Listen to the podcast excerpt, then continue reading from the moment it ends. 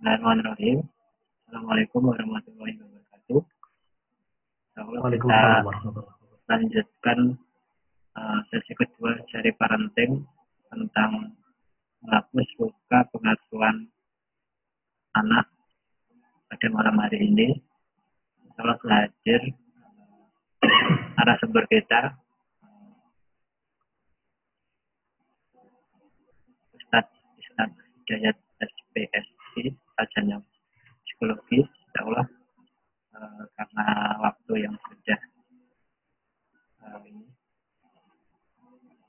kita langsung ke Kang Isnan untuk memulainya terima kasih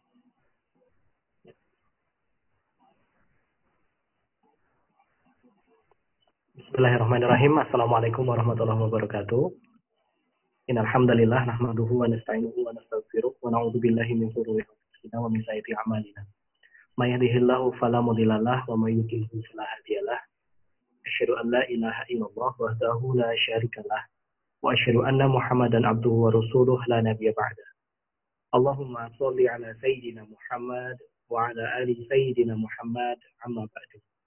Alhamdulillahirabbil alamin menjadi satu buah kesyukuran untuk kali ini kita bisa bertemu begitu ya.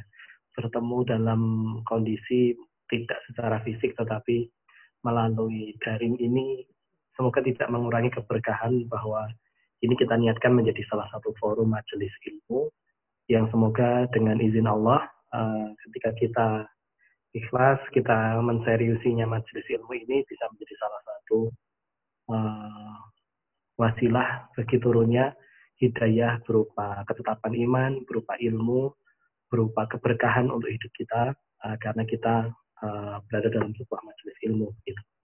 Yang berikutnya salawat dan salam semoga senantiasa tercukupkan tercurahkan kepada junjungan kita Nabiullah Muhammad Sallallahu Alaihi Wasallam yang semoga syafaatnya akan sampai kepada keluarga, sahabat, para tabiin, para itabi tabiin, kepada para ulama, kepada para syuhada, dan juga sampai kepada kita semua di kelak. Bapak-bapak, ibu-ibu yang saya hormati, materi yang akan kita bahas pada malam hari ini adalah materi yang mungkin sebenarnya dialami oleh banyak orang, tetapi selama ini kita tidak terlalu uh, mendalaminya sehingga yang muncul itu ketika nanti sudah ada masalah baru kita terasa apa sebenarnya yang sedang terjadi. Tapi juga banyak saya lihat bahwa permasalahan-permasalahan yang nanti akan kita sebenarnya juga merupakan salah satu hal yang uh, banyak sekali efeknya begitu. Ketika kita membahas tentang satu tema ini yaitu tentang membasuh luka pengasuhan. Saya akan berikan sedikit review dulu pengantar tentang apa yang dimaksud dengan materi membasuh luka pengasuhan ini. Uh, walaupun dari sisi judul seolah-olah judul ini mengarahkan kepada kita berusaha untuk membasuh pengasuhan atau membasuh luka pengasuhannya anak-anak kita. Tetapi sebenarnya yang paling penting justru materi menyembuhkan luka pengasuhan itu fokus utamanya justru buat kita sebagai orang tua. Artinya menyembuhkan luka pengasuhan itu harus diawali dari satu buah proses kesadaran diri bahwa ternyata banyak orang tua ketika dia mengasuh anak-anaknya itu masih disertai, masih dibersamai, masih memiliki luka-luka pengasuhan ketika dulu si orang tua ini jadi anak. Jadi menyembuhkan luka pengasuhan ketika kita bicara tentang menyembuhkan luka pengasuhan ini fokus utamanya bukan untuk anak kita dulu, tetapi kepada para orang tuanya. Kenapa fokusnya ke sana tidak langsung kepada pola asuh kepada anak-anak kita? Karena prinsip utamanya adalah kalau sampai para orang tua ini ternyata uh, belum sembuh luka pengasuhannya ketika dia dulu jadi anak, masih punya masalah dengan orang tuanya yang bisa jadi sudah meninggal atau mungkin sekarang masih hidup, ternyata itu akan sangat berefek terhadap hubungan antara pasangan suami istri yang menjadi orang tua ini dan lebih-lebih dalam hal mengasuh anak-anaknya. Maka arahan materi membang apa menyembuhkan luka pengasuhan ini sebenarnya lebih kepada sebuah persiapan, sebuah proses pembersihan, sebuah proses penyembuhan luka-luka yang dialami oleh para orang tua ini sebelum dia akhirnya menerapkan pola asuh yang sehat kepada anak-anaknya. Meskipun memang jelas tidak ada kata terlambat dalam hal ini, artinya uh, bukan berarti lah kan saya sudah terlanjur punya anak, anak saya sudah besar, tetapi apa ya tidak sia-sia ketika saya harus menyembuhkan luka saya sendiri, fokus saja kepada anak-anaknya. Tidak bisa. Kaidah utamanya adalah orang tua harus sehat terlebih dahulu, orang tua harus sembuh terlebih dahulu, orang tua harus berproses terlebih dahulu sebelum memproses pola asuh kepada anak-anaknya. Jadi arahan dari materi kita pada malam hari ini seolah-olah fokusnya ke pola asuh untuk anak kita. Padahal sebenarnya ini untuk beresi diri kita sebagai orang tua terlebih dahulu. Nah ini merupakan salah satu kaidah penting yang kita saya, saya ingin awali di materi pada malam hari ini supaya uh, tetap tujuan utamanya memang agar generasi di bawah kita yaitu anak-anak kita itu bisa memiliki atau bisa menjadi seseorang yang uh, baik kualitasnya, baik agamanya, baik kepribadiannya, baik akhlak dan adabnya, baik prestasinya begitu. Tetapi di sisi yang lain itu semua hanya akan bisa terwujud ketika sebagai orang tua kita memang sudah selesai dulu dengan diri kita sendiri.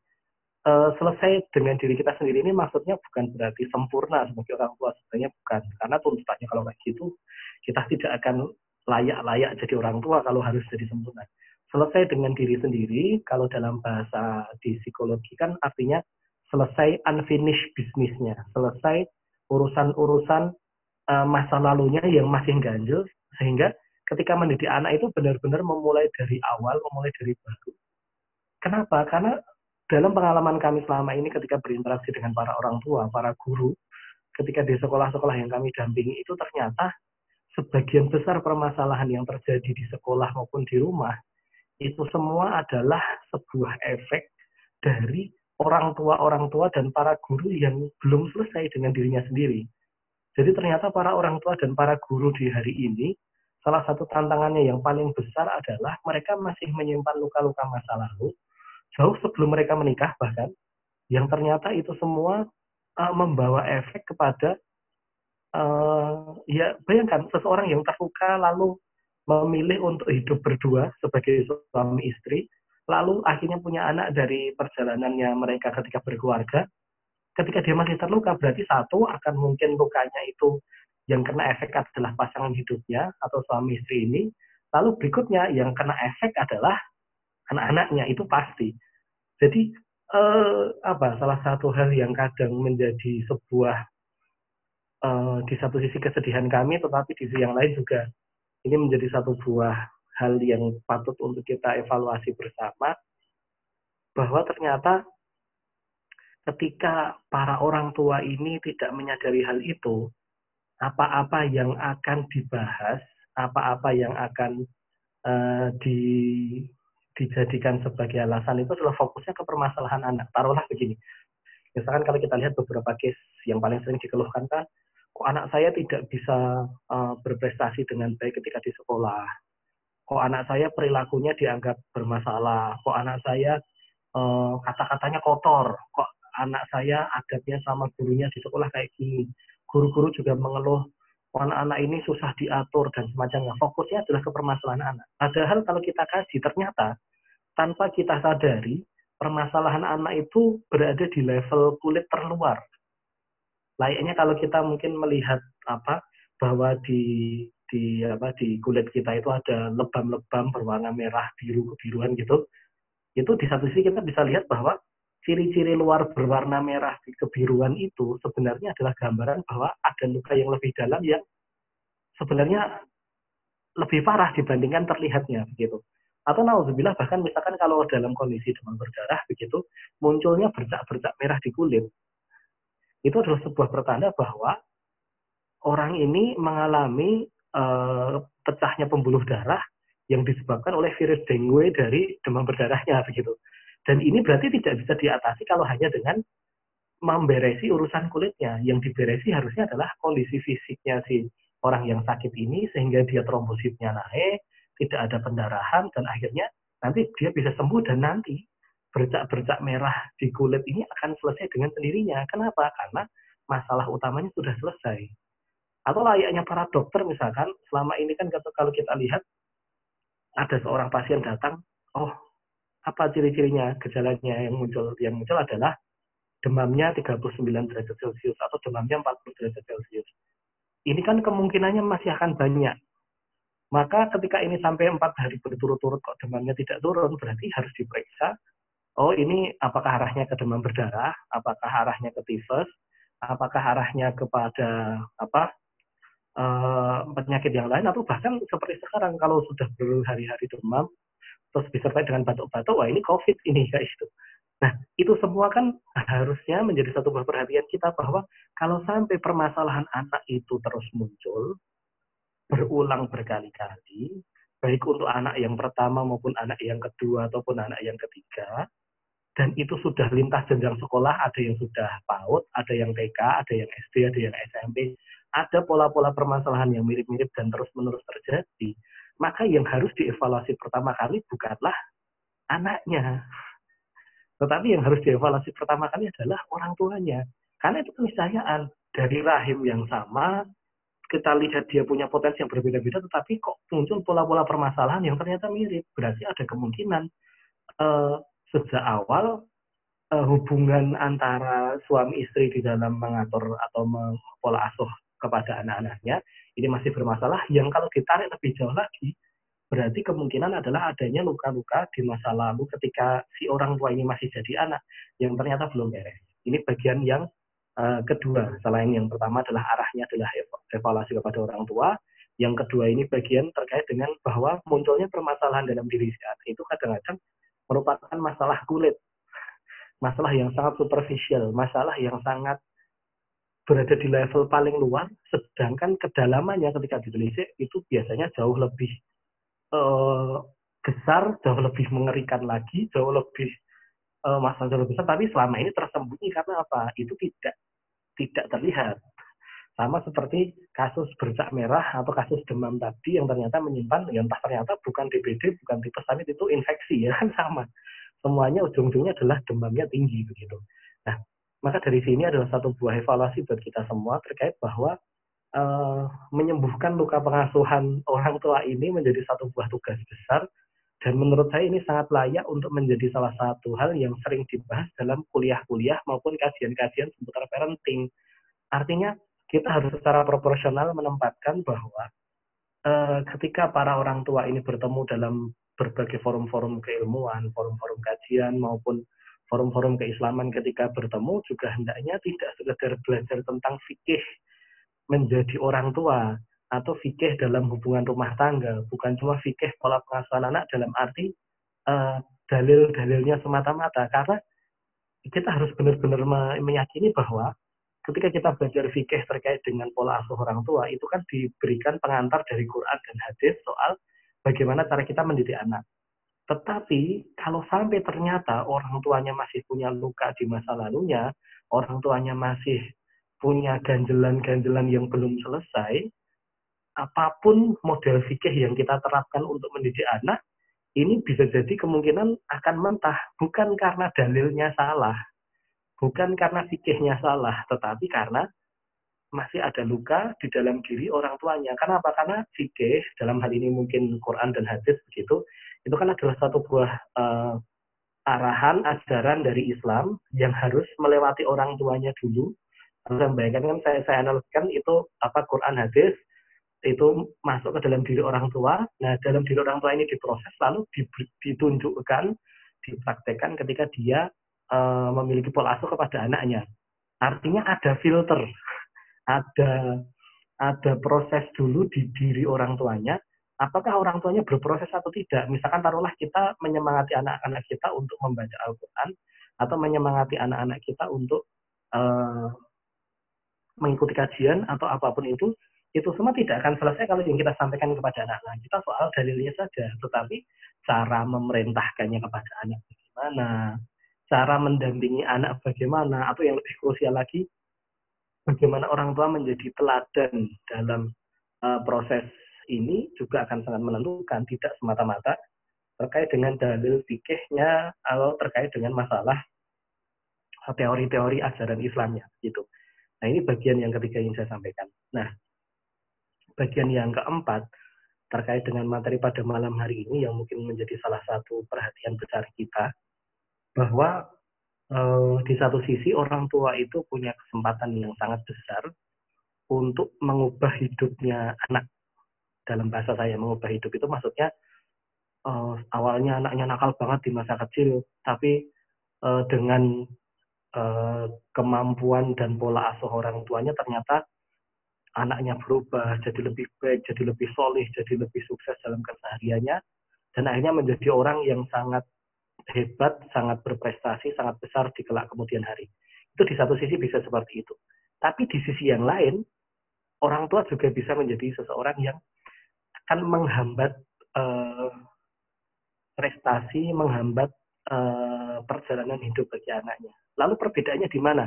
Kok di satu sisi ada orang tua yang bisa mengkali lipatkan potensinya anaknya, di sisi yang lain ada orang tua yang justru malah menghambat uh, perkembangan anaknya. Ternyata proses utamanya adalah di di dalam diri orang tua itu sendiri, yaitu apa yang kita sebut dengan kemampuan atau uh, kapasitas bernama arido atau uh, kita sering sebut ya dengan ridhonya orang tua itu. Nah, apa yang dimaksud dengan ridho orang tua? Apakah ridho orang tua ini artinya sekedar mengatakan, loh, ya mana ada orang tua yang tidak ridho terhadap anaknya? Mana ada orang tua yang tidak menginginkan anaknya sukses? Pasti semua orang anaknya pengen anaknya untuk sukses. Iya, saya yakin semua orang tua pasti pengen anaknya sukses. Tetapi arido ini urusan yang lain. Kenapa? Arido itu kalau dalam konsep dalam Islam itu sangat kompleks tidak sederhana. Aridho itu merupakan salah satu konsep dalam Islam yang gabungan dari al-ikhlas, yang kedua adalah sabar, dan yang ketiga juga salah satunya konsep tentang mahabbah kan masuk di sini. Jadi seseorang orang tua yang dikatakan ridho terhadap anaknya, itu berarti harus selesai dulu dengan tiga sifat ini paling tidak. Masih banyak yang lain, tapi paling tidak kita rangkum tiga hal ini, yaitu bahwa dia nomor satu dia harus ikhlas. Ikhlas itu berarti mengembalikan semuanya itu kepada Allah Subhanahu Wa Taala semua permasalahan yang dialami oleh anak itu keyakinannya orang tua adalah bahwa orang tua tersebut yakin bahwa masalahnya ini datangnya dari Allah yang bisa menyelesaikan Allah itu al-ikhlas. Termasuk juga harus meyakini bahwa proses gagal atau berhasilnya anak itu juga kata uh, hidayah dari Allah Subhanahu wa taala. Yang nomor dua adalah sabar. Sabar itu dalam kondisi ekstrim berarti siap untuk acceptance, siap untuk bisa menerima apa pun kondisi yang ada pada diri anaknya. Ini konsep yang kedua ya, cukup berat tentang hari itu. Nah, yang ketiga adalah mahabbah, bahwa tersnoni orang tua kepada anak ini memang serius sekali. Bahwa yang paling besar perasaan yang muncul dalam diri orang tua terhadap anak, meskipun anak punya berbagai macam masalah adalah mahabbah.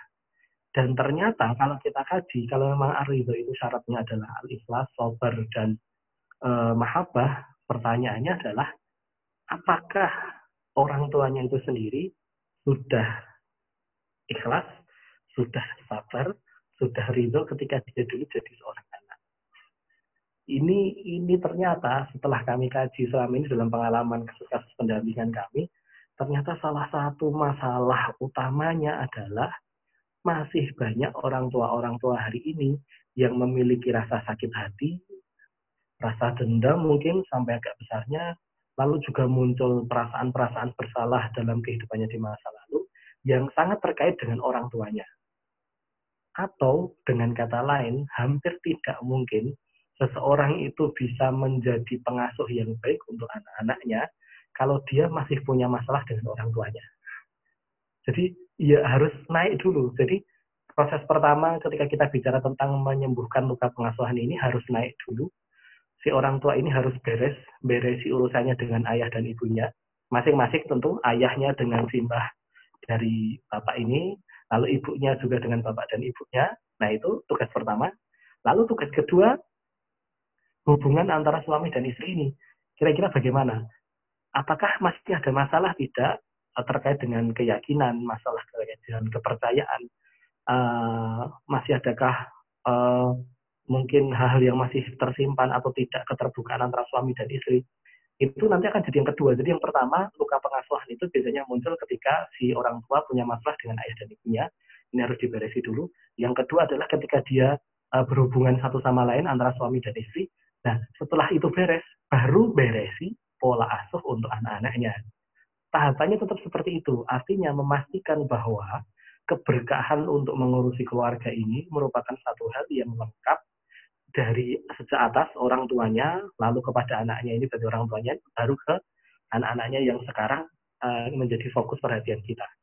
Jadi uh, Bapak Ibu dan rekan-rekan sekalian, salah satu hal yang memang menjadi cukup penting itu adalah memastikan bahwa tidak ada dendam, tidak ada luka, tidak ada sakit hati yang dialami oleh kita ketika kita uh, mengingat hubungan kita dengan orang tua kita. Kenapa? Karena kalau itu masih ada, saya uh, meyakini bahwa itu adalah sebuah pintu keberkahan. Kalau itu masih ada masalah di situ, masih ada ganjalan di situ, maka keberkahannya tidak akan turun.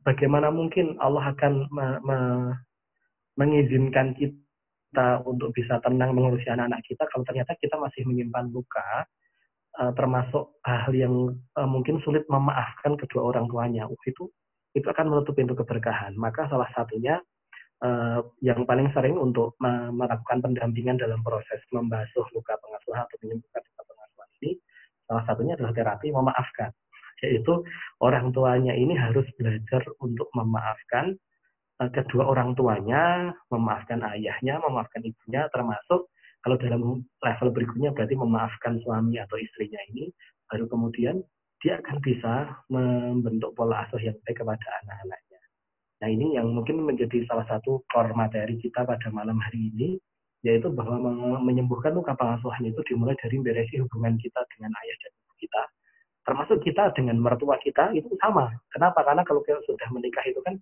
orang tuanya tidak cuma orang tua kita kandung, tapi juga mertua kita. Nah, ini ini yang pertama. Yang kedua ketika sudah beres, baru kemudian di level suami istri ini eh, diberesi. Nah berikutnya baru kemudian menyelesaikan untuk pola asuh kepada uh, anak begitu. Nah ini mungkin untuk sebagai materi pemantiknya pada malam hari ini semoga menjadi salah satu uh, bentuk yang bisa kita jadikan sebagai gambaran untuk uh, mendidik anak-anak kita berikutnya. Begitu Mas Denny uh, dan rekan-rekan saya akhiri sementara. Assalamualaikum warahmatullahi wabarakatuh. Ya, terima kasih. Menarik sekali sebenarnya. Uh, kalau beberapa hal uh, ini ya kadang tiba-tiba ini muncul kadang ada seorang uh, anak itu uh, tiba-tiba uh, marah dan ketika dia digali itu dia keluar. Oh dulu saya diginikan diginikan diginikan gitu. Ya. Itu sekali uh, seperti apa itu?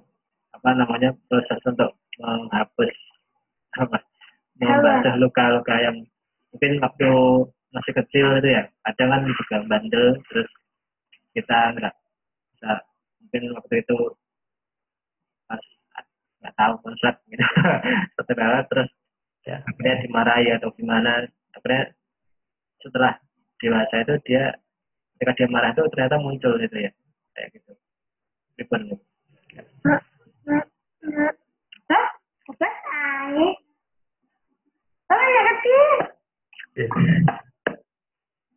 Jadi memang begitu kaidahnya Mas Denny bahwa salah satu hal yang menjadi uh, problem kita adalah kita menyadari adanya permasalahan itu setelah muncul letupan atau muncul uh, ledakan begitu. Kita baru dari sana kita baru menyadari adanya permasalahan yang terjadi termasuk untuk urusan dalam pola pendidikan anak ini.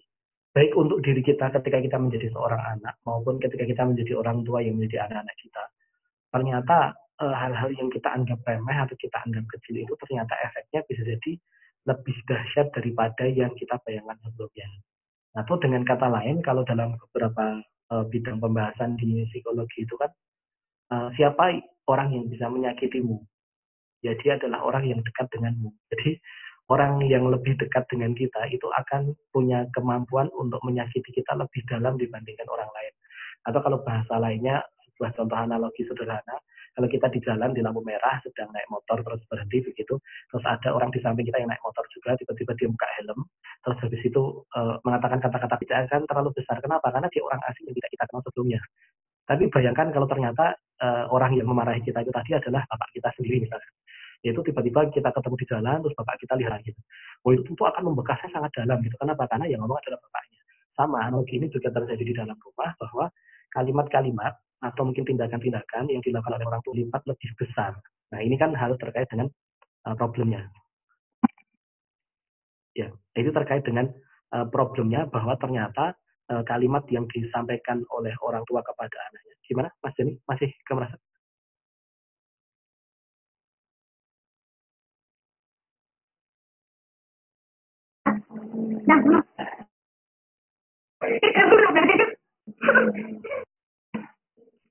Uh, coba lagi. Ada ada enggak? Uh, cek gimana? Masih ke merasa belum? Masih ke merasa? Mas lanjutkan aja. Jalan. Ah, sudah mau tujuh. Kalau barusan ada pemberitahuan kalau malah tidak ada batas waktunya. Oh ya. Artinya kayaknya diperpanjang kayak yang kemarin. Oh iya. Apa enggak? Ya, enggak, jalan-jalan aja. Oh ya, ini kayaknya sinyal sinyal kita yang tidak terlalu nyambung ini. Ya, sinyalnya. Kayak tadi.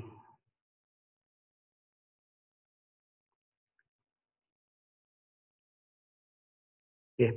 Uh, jadi saya lanjutkan bahwa dalam arti secara fisik itu juga uh, di satu sisi sebagai satu buah potensi karena kedekatan fisiknya, tetapi juga di sisi yang lain juga punya efek dari proses interaksi antara anak dan orang tua. Atau dengan kata lain, apalagi kalau ditambah dengan hubungan emosional anak dan orang tua yang sangat dekat, kalau sampai ada luka, itu lukanya pasti akan sangat dalam. Nah, cara untuk bisa mengatasinya. Nomor satu, Mas, di mana-mana, bahwa ketika orang ada permasalahan itu, proses pemaafan itu akan jadi kuncinya. Artinya di sini berarti harus ada proses dimaafkan.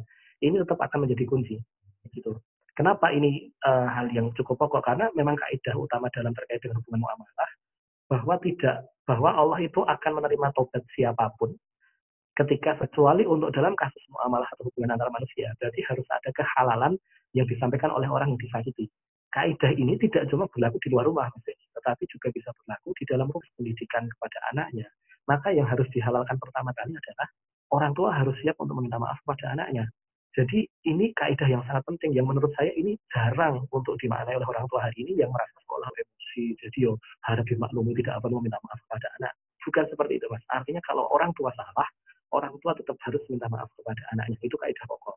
Meskipun anaknya pun Kenapa? Karena kaidahnya meminta maaf itu adalah salah satu syarat dalam menghalalkan permasalahan antara dua orang yang nanti akan diterima tobatnya oleh Allah Subhanahu wa taala. Jadi mengampuni kita, tetapi Allah akan mengampuni kalau sudah dihalalkan terlebih dahulu. Nah, ini prinsip yang pertama yaitu terkait dengan meminta maaf dan dimaafkan ini. Yang kedua, Mas Denny, mungkin salah satu hal yang menjadi cukup penting untuk kita uh, bahwa proses-proses ini juga harus diikuti terkait dengan hal-hal yang sifatnya lebih batin ya maksudnya uh, mengubah mengubah pola asuh ini tidak cuma dari sisi pilihan kata atau perilaku keteladanannya, tetapi juga terkait dengan perilaku batin orang tua kepada anaknya. Ini yang kadang-kadang artinya secara lisan mungkin yo kita mengucap ya itu juga kita nyekolah ke dia, bekerja keras untuk dia, menafkahi dia, supaya anaknya juga jadi sukses beneran. Tapi pertanyaannya kadang-kadang batinnya mengiyakan atau tidak. Karena kalau sampai orang tua itu juga menjadi salah satu penyebab terganjalnya kesuksesan diri si anak. Jadi memang tadi uh, kenapa kok saya awali Mas Denny prosesnya itu dari hubungan antara si orang tua ini dengan orang tuanya itu harus benar terlatih uh, tidak mudah untuk menyimpan dendam kepada orang yang telah mendidiknya di masa lalu. Kenapa ini akan menjadi sebuah aset bagi dia ketika menjadi orang tua dan melihat perilaku anaknya yang mungkin jadi ganjel tadi, berarti dia juga harus merelakannya. Kenapa? Karena dulu ketika dia jadi anak juga tidak sempurna, maka ketika dia jadi orang tua melihat anaknya tidak sempurna itu juga tidak apa-apa. Yang penting ridhonya diberesi hubungan dengan orang tuanya dulu supaya kita nanti juga beres hubungan kita dengan anak-anak kita. Karena kalau itu tidak dilakukan, biasanya ganjalan-ganjalan hatinya ini yang menjadi penghambat doa untuk dikabulkan. Tapi ternyata ada ganjalan hati, ketidakridhoan yang ternyata berefek kepada tidak dijawab oleh Allah Subhanahu wa taala. Kenapa? Allah nunggu kita untuk beresi hubungan kita dengan hubungan kita dengan anak-anak kita. Insya Allah kalau itu hubungan sudah beres nanti kalau dalam bahasa saya kalau kita sudah beres dengan orang tua, sudah beres dengan pasangan dan kita sudah beres dengan anak itu nyaris tidak namanya seperti itu. Jadi termasuk kalau kita punya kesalahan tadi bertunjukkan maaf, menghalalkan, mengikuti dengan ibadah-ibadah yang lebih baik, mengubah perilaku, memberikan keteladanan yang baik, salah satu efeknya adalah berubah melatih diri untuk tidak tidak gampang ganjel menyimpan luka-luka batin ketika kita berinteraksi dengan anak-anak kita. Itu juga merupakan salah satu. Jadi nek wis bar ya wis nek wis ya wis. Jangan sampai diri kita sendiri apalagi pada anak-anak kita. Begitu Mas Dewi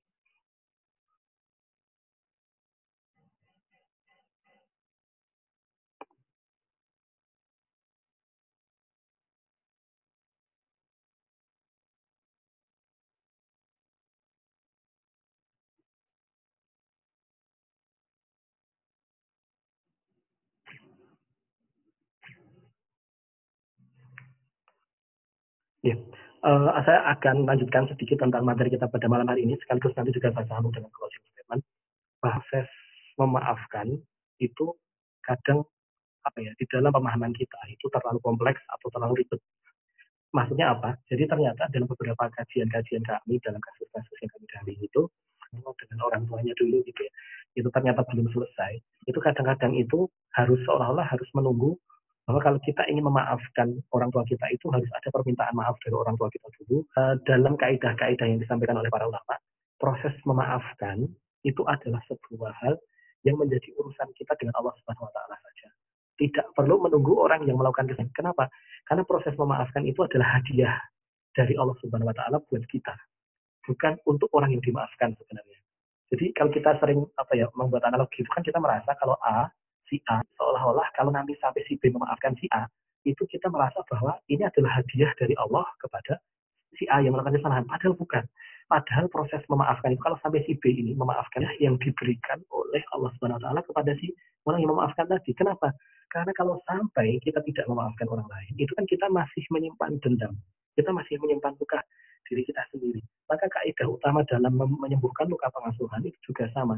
Yang menjadi fokus kita dalam menyembuhkan luka pengasuhan ini adalah memastikan bahwa kita sebagai orang tua itu tidak punya ganjalan-ganjalan mengasuh anak-anak kita. Makanya tadi kenapa tipsnya kok memberesi hubungan dengan orang tuanya, memberesi hubungan dengan uh, pasangan suami istri dan beresi hubungan dengan anak supaya tidak ada ganjalan-ganjalan itu sebenarnya adalah hadiah buat diri kita sendiri. Supaya kita beban-beban apa pun yang ternyata masih merasuki kita. Apalagi bayangkan kalau ternyata orang tua kita ada yang sudah meninggal, kita masih dendam dengan orang tua kita, untuk nanti akan bebannya akan sangat besar berkali-kali. Salah satu masalah psikologis yang paling besar itu adalah ketika seseorang menyimpan luka, padahal orang yang melukai itu, itu sudah meninggal. Bagaimana caranya? Mau minta dihalalkan dengan bisa memberikan solusi yang sangat mudah, yaitu caranya apa? Maafkan. Jadi memaafkan orang-orang yang menyakiti kita. Ini kan bahkan kalau dalam kisah dalam hadis itu kan luar biasa. Ada sahabat yang dijamin masuk surga ketika dia lakukan adalah setiap dia akan tidur di malam hari, dia memaafkan orang-orang yang telah menyakitinya dalam satu hari, mengharapkan ridha Allah untuk orang-orang ini dan menghalalkannya. Kenapa dia? Bukan. Ini hadiah buat si orang yang memaafkan. Maka prinsip utama dalam menyembuhkan luka pengasuhan adalah kita mencari hadiah buat diri kita sendiri, yaitu perasaan lega tanpa beban di dahulu orang-orang yang pernah menyakiti kita, sehingga ketika kita menjadi anak-anak kita itu tanpa beban. Apalagi naudzubillah kalau sampai kesalahan-kesalahan itu kita maafkan itu adalah terkait dengan orang tua kita, terkait dengan jadi ganjalan yang sangat besar. Nah, dari sini uh, salah satu kesimpulan utamanya sebagai closing statement dari saya adalah uh, hubungan antara seseorang dengan orang lain di dunia itu itu mirip kayak segitiga. Ini kita, ini orang lainnya maksudnya segitiganya itu apa? Bahwa coba bayangkan, ini si A, ini si B. Kalau ini segitiga, di sini adalah Allah. Caranya untuk supaya kita bisa gimana? Masing-masing itu harus mendekatkan diri kepada Allah. Sampai ketika ketemu di satu titik, nah kedua ini sudah dekat sama Allah, maka dia berdua pasti akan jadi dekat dan dihubungkan dengan ikatan yang sangat erat. Caranya bagaimana? Supaya suami dan istri harus. Maka satu-satunya cara adalah keduanya harus masing-masing mendekat kepada Allah taala. Bagaimana cara agar anak kita dan anak kita hubungannya dekat? Satu-satunya cara adalah orang tuanya harus kalau ada salah satu yang tidak match atau salah satu yang ternyata masih bermasalah atau kalau dalam pembahasan kita pada malam hari salah satunya masih punya luka pengasuhan yang ganjil di dalam dadanya sehingga dia tidak tidak sembuh menghambat dia untuk mendekat kepada Allah dan efeknya apa? Hubungan muamalah antara kedua orang ini juga tidak akan pernah bisa nyambung. Jadi pola asuhnya jadi sudah kita pakai sistem pendidikan yang sangat modern kita masalahnya anak atau tidak selesai selesai maka nomor satu yang harus dicek adalah sudahkah kita dan anak kita dan istri kita itu sama-sama mendekat kepada Allah SWT. Demikian yang bisa saya sampaikan. Saya akhiri. Assalamualaikum warahmatullahi wabarakatuh.